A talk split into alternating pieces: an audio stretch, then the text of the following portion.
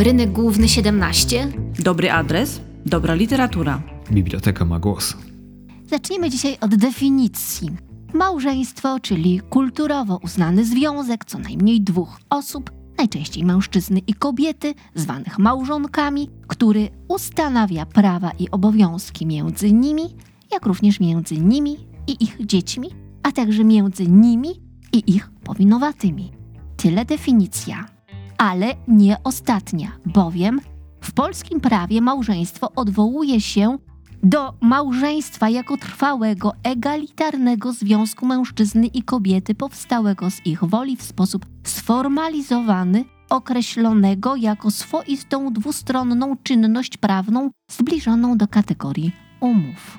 Jak tu siedzimy, każdy z nas jest w związku. O, jak to brzmi? Każdy z nas zawarł swoistą umowę i Tak. tworzy sformalizowany związek egalitarny. Długo oczywiście zastanawiałam się nad y, doborem tego, co wspólnie zaprezentujemy i tego, co każda z nas doda od siebie. Bardzo chciałam znaleźć historię taką pogodną, sympatyczną, ale nie do końca może komedię, tylko obyczajowy film mówiący o spełnionym, zadowolonym związku. I wydawało mi się, że to jest takie proste i będę miała tutaj lawinę tytułów. No okazało się, że niestety nic w takim krótkim czasie nie udało mi się znaleźć. Być może, gdy dam sobie nieco więcej, to coś uda się wymyślić, ale jeżeli już pojawiały się historie miłości, to one zwykle urywały się w tym momencie, kiedy stawali na ślubnym kobiercu. I nie wiemy tak naprawdę, co było dalej. Jeżeli Tak. już filmowcy pokusili się o próbę opowiedzenia, co też się działo dalej, to zwykle kończyło się to jakąś wielką tragedią, albo chorobą, albo jakimś innym dramatycznym, traumatycznym e, nieszczęściem. I to też nie była historia, o jaką mi w tym momencie chodziło, choć oczywiście są one niezwykle warte obejrzenia, jak choćby Wierny Ogrodnik, Maudie, o której już kiedyś rozmawialiśmy, czy Droga do Szczęścia z e, parą wspaniałych aktorów, którzy zasłynęli głównie z Titanica, a przecież spotkali się jeszcze później na ekranie, choćby w tej historii, myślę o Kate Winslet i Leonardo DiCaprio. I takich filmów pewnie jeszcze by się udało znaleźć. Frida, też świetna opowieść o nietypowym, niekonwencjonalnym małżeństwie, ale takiej prostej, pogodnej, miłej dla oka i ucha historii nie znalazłam. Czy tobie, Aniu, jakaś historia właśnie z takiego typu przychodzi na myśl? Aniu, słuchając twoich rozważań, siedzę, myślę i też nie. Masz rację. I też nie. Albo ktoś umrze, albo ta małżeńska droga naprawdę pokryta jest licznymi cierniami. Tak, takimi Nie kojarzę wybojami, że... Przyjemnej, miłej historii o spełnionym małżeństwie. No właśnie, albo jest to tak, że jednak coś między sobą ukrywają, że ich więź ma jakieś ukryte drugie dno, o którym widzowie dowiadują się stopniowo. Albo jest to po prostu rzeź, walka nieustająca i próba udowodnienia tej drugiej osobie, że to jednak zwycięstwo jest po stronie przeciwnika. No poligon, po prostu poligon nieustający. I czasami ogląda się to oczywiście z przyjemnością, bo jest to na przykład wspaniała gra słowna, jak choćby u Woody'ego Allena, a niekiedy z przerażeniem, że znając kogoś lepiej, możemy tak celnie i tak dotkliwie trafić z różnymi uszczypliwościami, Bo złośliwościami, czy podobno po nic tak nie rani słowo. Mhm. Tak, słowo najbliższej osoby. Nie wiem, czy to dobry początek, czy też nie, bo pewnie jak zwykle ta nasza audycja będzie miała różne swoje etapy i momenty. Może powiem o książce, którą po prostu noszę jeszcze bardzo mocno w sobie, bo jest to najświeższa moja lektura. Z dużym opóźnieniem po nią sięgnęłam, bo książka pojawiła się w 2013 roku i wtedy było o niej bardzo głośno. I za sprawą autorki, i za sprawą opowieści, jaką nakreśliła na, na kartach tej książki, która pełniła dla niej, e, myślę, że też element terapii Mowa o pozycji Grażyny Jagielskiej pod tytułem Miłość z kamienia życie z korespondentem wojennym. Zacytuję fragment. Ludzie mówią, że podstawą udanego związku są wspólne zainteresowania, nie miłość. Mieliśmy jedno i drugie, a przynajmniej bardzo długo tak sądziliśmy. Dawało to nam podwójne zabezpieczenie, takie zapasowe lądowisko, na wypadek, gdyby coś zawiodło albo się skończyło. Pasje są o wiele trwalsze niż uczucia, odporniejsze i lepiej znoszą złe koleje losu. Dlatego uważaliśmy się za szczęściarzy. Ludzie, rozpoczynając wspólne życie, zwykle nie mają żadnych rezerw. Muszą dojechać do końca na jednym baku. Wydaje mi się dziwne, że ta pasja, która teraz jest moim wrogiem, łączyła mnie i Wojtka ściślej niż miłość. Tak trudno uwierzyć, że ta wielka siła kiedyś działała na moją korzyść. Twórcza, dobra siła. Nie wiedziałam, że jest równocześnie czymś niszczycielskim, że nie ma tylko pozytywnej natury, niszczy do samego końca, ostatniego przejawu życia. Mieliśmy wspólną pasję, ja i mój mąż, korespondent wojenny odkrywanie świata. Dla mnie było to oglądanie, smakowanie i wylegiwanie się na słońcu.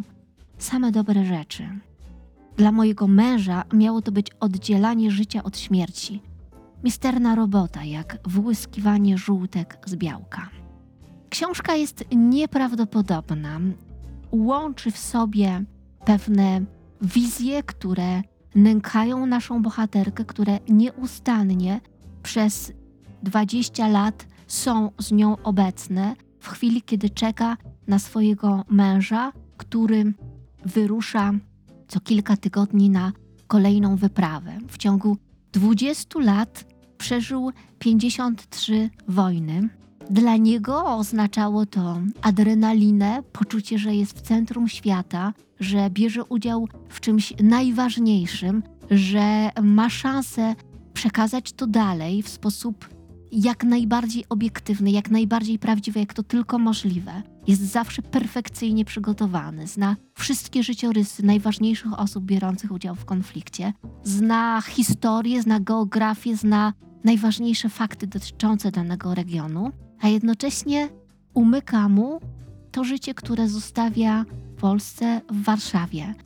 Przez bardzo długi czas Myślę, że nie jest świadomy tego, co dzieje się w tym samym momencie z jego żoną, która powoli traci kontakt z rzeczywistością, czekając na z jednej strony na powrót męża, ale tak naprawdę nieustannie czekając na telefon, w którym zostanie jej przekazana informacja o jego śmierci. Tak mocno się już przyzwyczaiła i oswoiła z tą myślą, że wręcz wierzy, że ta rozmowa się już odbyła, że jest już za Ja nią. też, Aneczko, tylko przytoczę jedno zdanie. Od 20 lat przygotowuję się na śmierć mojego męża. Jestem prawie gotowa. Strasznie dobrze. Ta książka jest nieprawdopodobnie mocna, bardzo odważna, też, bardzo, bardzo. uczciwa, a nie mamy też takiego poczucia, że weszliśmy za daleko. Chociaż tak jak też na okładce są zacytowane słowa Wojciecha Tuchmana o tej pozycji, koszty Grażyny Jagielskiej poznajemy.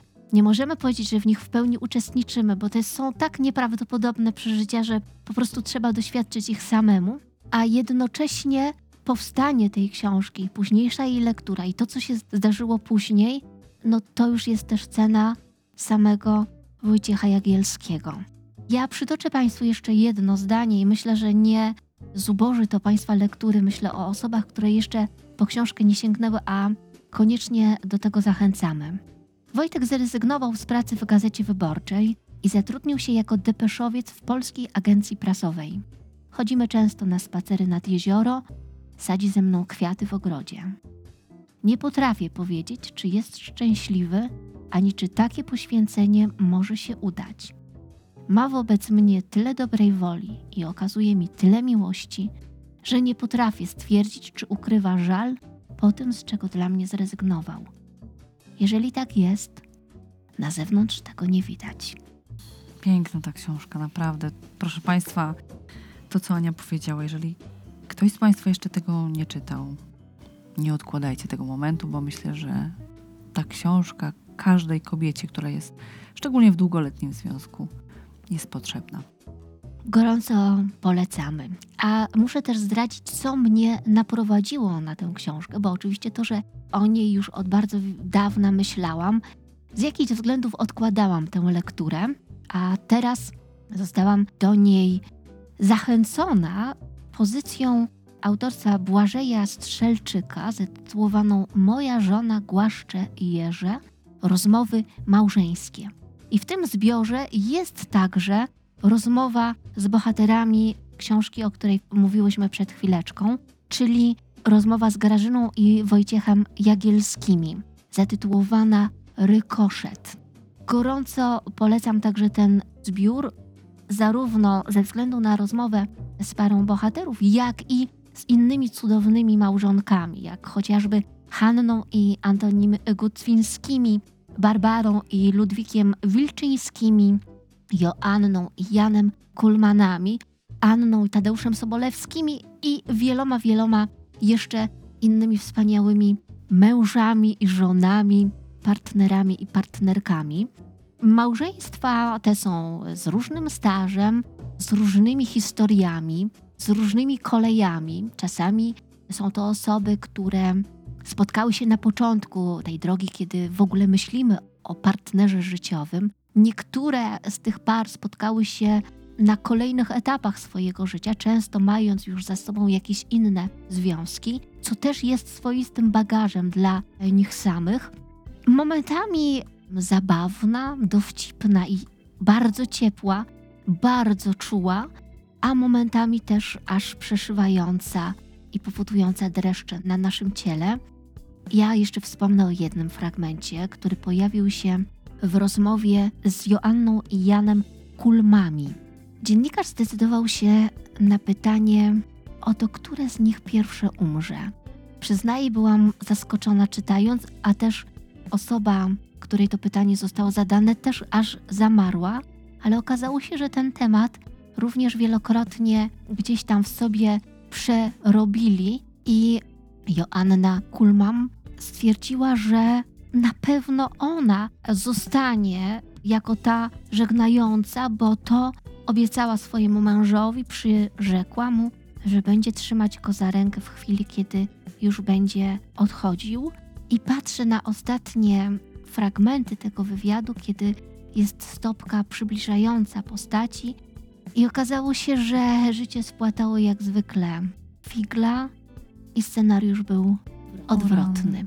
I to są takie momenty, kiedy my sami zaczynamy myśleć o pewnych sytuacjach. I oczywiście z jednej strony może to być tak, że nie warto niczego planować, bo tak naprawdę niczego nie możemy być pewni, a z drugiej strony to było szalenie piękne, że właśnie można nawet o takich momentach ostatecznych myśleć z troską i czułością o swoim partnerze i starać się tak myśleć o tej chwili, żeby właśnie jemu stworzyć jak największy komfort i żeby było tak, jak ta druga osoba sobie wymarzyła i czy zapragnęła. Aniu, słuchając cię dzisiaj, no walczę cały czas ze wzruszeniem ogromnym, nie ukrywam. Czy były też jakieś wesołe historie? Tak, tak, tak jak wspomniałam, to się wszystko przeplata, bo tak jak nasze związki się układają, to nie jest tak, że zawsze jest melancholijnie i Tak, refleksyjnie. tak. To wszystko zależało od momentu, w jakim te pary się znalazły, też od ich temperamentów, osobowości, bo zdarzały się takie, które nawzajem sobie prawiły jakieś drobne uszczypliwostki, które wspominały z dużym poczuciem humoru moment poznania, te początki, które często też przypadały na czasy bardzo ciężkie i trudne od tej strony finansowej, gdzie mieli tylko jakiś mały kącik, jeden mebel albo wcale, ale ponieważ większość z tych par ma też już pewien staż, pewien y, dorobek wspólnego życia, to i owszem, zdarzają się te bardziej takie sentymentalne, refleksyjne, mocniejsze fragmenty. Myślę, że też dla nas też one mocniej wybrzmiewają, bo mamy póki co jeszcze inną perspektywę, więc wtedy jest to takie mocne uderzenie, jak ktoś troszkę inaczej spogląda na życie, na świat, na drugą osobę. Ale absolutnie nie jest to taka książka przytłaczająca. Ona ma różne momenty, tak jak różne są osoby i tak jak wspomniałam, różne są chwile, w których zostały przyłapane przez dziennikarza i zachęcone do takiej wspólnej rozmowy. To ciekawe też, że czasami nawet w bardzo prostych dialogach, wypowiedziach można uchwycić to, jaka relacja jest między nimi, jak można by coś sobie dopowiedzieć, jakie te pary są. Rynek główny 17. Teraz porozmawiamy sobie o książce, która myślę, że właśnie ma wiele tych momentów takich zabawnych, no i jest mistrzowską pozycją, która mówi o tym, że można być doskonałymi partnerami w rozmowie, w życiu i to się przekłada na język, w jakim się ze sobą komunikujemy. A książka jest e, rozmową między Jerzym Bralczykiem i jego małżonką Lucyną Kirwil, a tę rozmowę moderuje, przysłuchuje się jej, naprowadza czasami na pewne tematy Karolina Oponowicz. Książka zatytułowana jest Pokochawszy o miłości w języku i jak we wstępie zdradza piękniejsza strona autorów. Tytuł oczywiście jest autorstwa pana profesora Jerzego Bralczyka, który bardzo lubi imię słowy przysłówkowe uprzednie. Książka jest podzielona na pewne segmenty tematyczne i same te rozdziałiki już są majstersztykiem, a brzmią na przykład tak. Przełam się, czyli o wyznawaniu miłości. Kochaś, kochanka, kochanica, czyli o słowach miłości. Zróbmy to, czyli o języku seksu. Ciśnienie jak w wulkanie, czyli o języku kłótni. Te gwiaździste noce, ten rogalik księżyca, czyli o miłosnym kiczu. Jeżeli był ping, to musiał być pong, czyli o rytuałach. Chyba zostawiłem sweter u ciebie, czyli o listach miłosnych i tak dalej, i tak dalej. Rozmowa jest barwna, mm, elokwentna, kwiecista, płynna, pełna dowcipu, a jednocześnie niesłychanie merytoryczna, bo przecież pan profesor każdą sekwencję tłumaczy także od tej strony lingwistycznej, semantycznej, historycznej. Masy przytoczeń z książek, cytatów. Cudownie się to czytało. Odwołanie do literatury, do tej Dokładnie. klasyki polskiej i nie tylko. Bardzo przyjemna lektura, a też daje nam taki portret społeczny, socjologiczny. Bardzo dużo mówi o naszych zachowaniach, o tym, jak one się zmieniały na przestrzeni lat, o tym, jak teraz się komunikujemy, a jak robili to nasi rodzice, a jak będą robić nasze dzieci, bo już pewne sygnały możemy odbierać i analizować, interpretować. Ja się nie spodziewałam po tej książce, że można się, czytając książkę autorstwa pana profesora, że można się przy niej śmiać. No śmiałam się momentami do rozpuku. To było tak dowcipne, tak błyskotliwe. Małżonkowie się wzajemnie przerzucali. Świetna lektura, naprawdę. a jednocześnie nie było tam jakiejś sielanki, Tak, słodzenia tak. sobie i spijania z dzióbków. Oczywiście. To cały czas była też pewna też, potyczka też językowa. taka em, emocjonalność duża Tak. w tym wszystkim była i różne tempo rozmów, Tak. bo jedne faktycznie mm, bardziej refleksyjne, przez inne zdecydowanie przebijało się więcej humoru, ale piękne połączenie. No, cudowny staż e, w życiu, świetne dopełnienie zawodowe i wyszła z tego im znakomita książka. Świetnie może się uzupełniać psycholog z językoznawcą. I myślę też, że siłą taką medialną profesora Bralczyka jest to, że on fantastycznie się bawi słowem, językiem. To jest takie lekkie w jego wydaniu i cały czas widać, że mimo upływu czasu to nadal sprawia mu frajdę, dużą przyjemność. przyjemność. Mhm. Tak. Nie jest tylko jakimś czymś żmudnym, nudnym. Cały czas jest w tym duża doza przyjemności i zabawy. To też może troszkę w tym duchu, czyli też taki miks literatki w tym wypadku i psychologa. E, Mówię o książce Katarzyny Grocholi i Andrzeja Wiśniewskiego. Autorzy się spotkali kilkakrotnie, a co najmniej o dwóch książkach wiem. Ta, którą przyniosłam na dzisiejsze spotkanie, to gry i zabawy małżeńskie i pozamałżeńskie. Ona również dotyka kwestii słów, komunikatów słownych, tego, jak e, ze sobą rozmawiamy, ale właśnie mniej się skupia na samym języku, a bardziej na e, jego emocjonalnej stronie. Tego, co chcemy przekazać, mówiąc pewne rzeczy, albo też z czego niekoniecznie zdajemy sobie sprawę, a co mówią tak naprawdę nasze słowa, nasze gesty, nasze zachowania. Myślę, że też książka warta, jeżeli nie nawet jakiejś takiej bardzo głębokiej lektury, to takiego luźnego przekartkowania jak najbardziej. Czyta się to też lekko i też można sporo z niej wyciągnąć, zwłaszcza te sekwencje wypowiadane przez Andrzeja Wiśniewskiego mogą być dla niektórych z nas pomocne. A z kolei Katarzyna Grochola pyta o rzeczy, o które sami chętnie byśmy zapytali, a być może nie wystarczyłoby nam odwagi albo okazji, a robi to też w specyficzny dla siebie sposób, czyli bezpośredni, z dużą też dawką humoru i takiego dystansu do siebie, więc to również jest na liście naszych propozycji. Dobry adres, dobra literatura. I ostatnia kategoria dzisiaj, Aniu. Musimy też zrobić taką elipsę i zaczęłyśmy o filmie, to może też podajmy kilka jednak przykładów, a na pewno byśmy się skupiły na jednym, Tak. na Cudowny. rzezi Romana e, Polańskiego. Film z 2011 roku oparty na sztuce Jasminy Rezy pod tytułem Bóg mordu. Mimo, że wąska czteroosobowa obsada, to udało się zachęcić do udziału w tym przedsięwzięciu takie gwiazdy jak Kate Winslet czy Jodie Foster. Tak. No i wspaniałe dwa duety aktorsko-małżeńskie, bo pary dwie spotykają się w mieszkaniu jednej z nich, a dzieje się to za sprawą incydentu, do którego doszło w szkole, bójki Między synami. między synami, tak? No i tutaj zaczyna się obnażanie. Tak. Spadają maski, łamią się konwencje. I nikt nie pozostaje. Zaczęło się bardzo niewinnie i już stali w progu. Kończyło się uściskiem dłoni i zaproszeni na szarlotkę mm, rozpoczęła się. Jeżeli ktoś z Państwa nie oglądał e, filmu Rzeź, serdecznie polecam. Już dawno się tak nie śmiałam. Jak od ogółu przejść do szczegółu.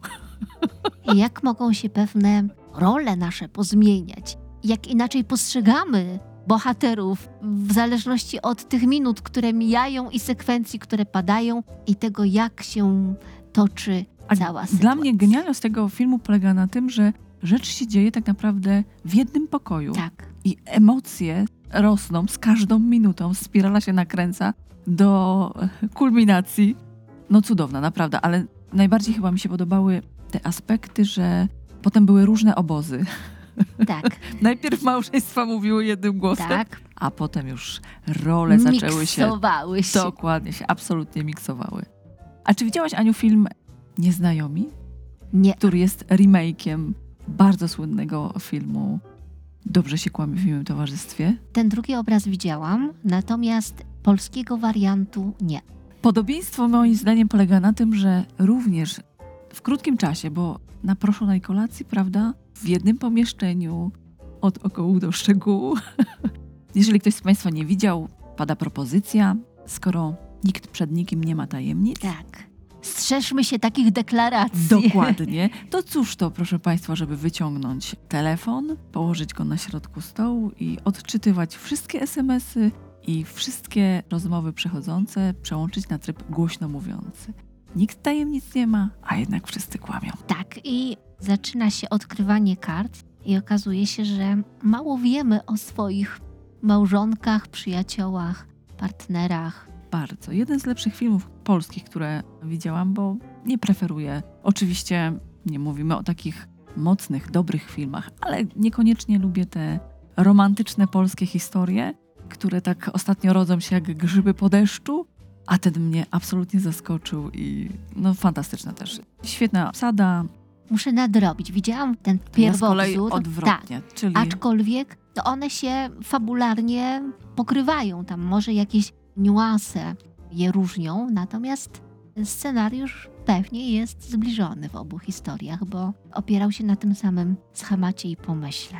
Aniu, o jakich książkach chciałabyś ty porozmawiać no ja, dzisiaj? jeśli Aniu, chodzi o- serce jednak mi mocniej bije w stronę, tutaj pójdę w stronę powieści. Bardzo dobrze. Ale to myślę, że właśnie na tym to, proszę Państwa, polega, żebyśmy proponowały książki, które nam osobiście się podobają, i które chciałybyśmy Państwu polecić, niekoniecznie właśnie z tych samych kategorii, więc ja z ogromną przyjemnością wróciłam do książki mojego niekwestionowanego mistrza krótkiej formy, czyli do Erika Emanuela Schmidta i tytułowe opowiadanie Małżeństwo we troje. Cudowne, jak zwykle e, z zaskakującą puentą, z nieprawdopodobną dbałością o słowo, jak to u Schmidta. Małżeństwo we troje. Jeżeli ktokolwiek z Państwa spodziewa się gorącego romansu, ognistej relacji, miłosnego trójkąta, no to się mocno rozczaruje. Ale to małżeństwo we troje, szczególnie właśnie to stwierdzenie we troje, jest bardzo znamienite. I taki króciuteńki cytat wdowy. Gdziekolwiek pójdę, mam ze sobą dwóch mężów. Pierwszego, o którym mówi mi drugi, i drugiego, który mówi mi o pierwszym. Historia wdowy, która w skraweczkach opowiada o swoim pierwszym małżonku. Możemy się dowiedzieć, że był kompozytorem, dowiemy się, że był zadłużonym lekko duchem, że miał duży apetyt na miłość, ale był mm, chaotyczny, nieporządny. Wszędzie walały się jego partytury. Jak to artysta. Jak to artysta zostawił ją z dwójką dzieci i zmarł. Drugi mąż za wszelką cenę próbuje uczcić pamięć pierwszego. To nie jest dobry pomysł. To absolutnie nie jest dobry pomysł, ale z korzyścią dla pierwszego. Dlatego wspominam o zaskakującej puencie, bo o nazwisku wdowy dowiadujemy się w ostatnim zdaniu. Nie zdradzę absolutnie, żeby Państwa zachęcić. Fantastyczny jak zwykle Schmidt, także moja miłość, a przez to, że krótki, przez to, że tak pięknie literacko pisze, no to ja jestem wierna swojej francuskiej miłości.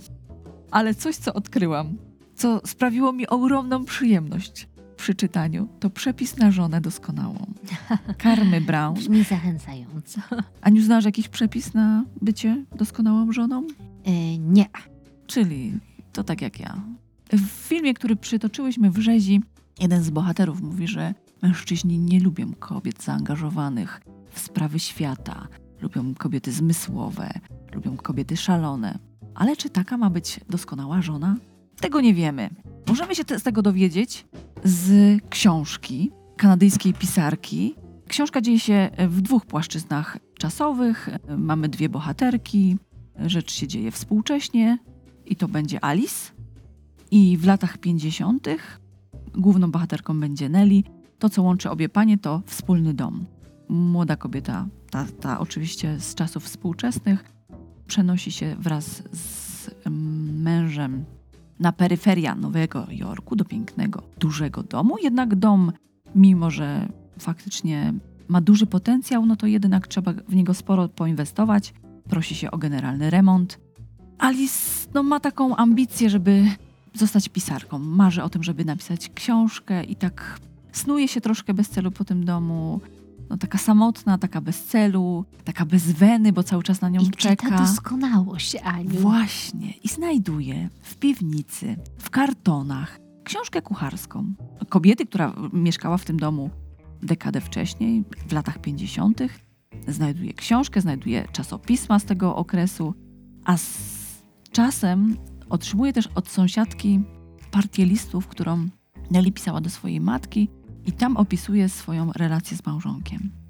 Okazuje się, że żeby być doskonałą żoną, niekoniecznie trzeba o wszystkim informować męża, warto mieć własne sekrety. Ale I dobrze jest dobrze gotować. tak, to jest też, bo myślę, że przez żołądek do serca to jest potwierdzenie. Ale wisienką na torcie, i myślę, że to był główny zamysł autorski, są porady, które towarzyszą każdemu rozdziałowi. Porady z przestrzeni, okazało się, że nawet stuleci, bo i z XIX wieku, i właśnie z lat 50. I muszę, proszę Państwa, je przytoczyć, żebyście zrozumieli, do czego dążę. Rady dla żon z roku 1895. Nie płacz i nie użalaj się nad sobą, kiedy jesteś chora. I nie baw się. To mężczyzna wychodzi z domu, żeby się bawić. Będziesz się śmiać, kiedy wróci i opowie, ale nie wszystko, co robił. A co do chorób? Kobiety nigdy nie powinny chorować. Ale mój ulubiony to z roku 1953 rada zaczerpnięta z tomu Jak pomóc mężowi osiągnąć sukces społeczny i zawodowy. Zrzędliwość to wyniszczające schorzenie emocjonalne. Jeśli masz wątpliwość, czy na nie cierpisz, zapytaj męża. Jeśli powie ci, że jesteś zrzędą, nie zaprzeczaj gwałtownie. To tylko potwierdzi, że ma rację. I takich skarbów mnoży się Ale w to są rozdziale. autentyczne rady. Autentyczne, Aha. tak, autentyczne przedrugi rodem ze średniowiecza, jak powinna postąpić kobieta, żeby sprawić, by mąż czuł się zaopiekowany, żeby czuł się komfortowo w tym małżeństwie. Serdecznie polecam. Biblioteka ma głos. Czy zapowiadamy już temat kolejnego odcinka? Tak, ponieważ to będzie moja propozycja. W kolejnym odcinku od małżeństwa tanecznym krokiem przejdziemy. Na parkiet. Super. Zgadłaś, Ania. Będzie o tańcu. Dziękujemy za dzisiaj. Anna Ptaszkiewicz-Kocina. Anna Sobula. Realizacja i mixing Radosław Świerkosz.